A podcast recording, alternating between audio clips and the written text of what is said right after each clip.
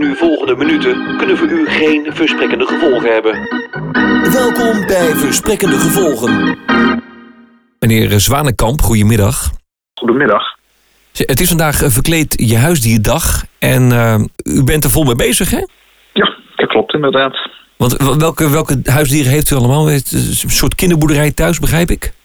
Uh, het wordt soms zelfs een kinderboerderij hier genoemd, inderdaad. Um, we hebben konijnen, cavia's, een uh, Siamese hangbuikzwijntje en uh, ook nog diverse soorten vogels. Ja, en nu is het uh, wereldwijd verkleed je huisdierdag. Ja. En u doet er volop aan mee? Ja, we hebben onze vrijwilligers en regelmatige bezoekers gevraagd zelf iets te breien. Mm -hmm. En dat, dat hebben zij in, in grote getalen gedaan. Ja. En uh, onder andere hebben wij een, uh, een, klein overalletje voor de vogels. Ja. Waarbij het vliegen enigszins beperkt wordt. Maar uh, dat mag de pret niet drukken.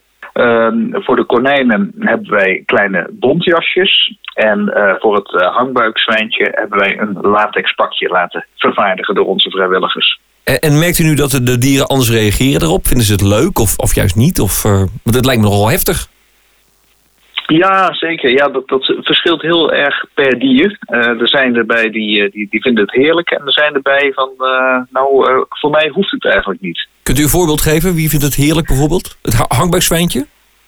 Het hangbuikzwijntje die vindt het heel fijn. En ik mag u wel verklappen dat wij dat niet alleen beperken tot deze speciale dag. Maar dat wel vaker doen. En, Sorry dat ik u onderbreek, maar het, het hangbuikzwijntje heeft een latexpakje aan, begreep ik.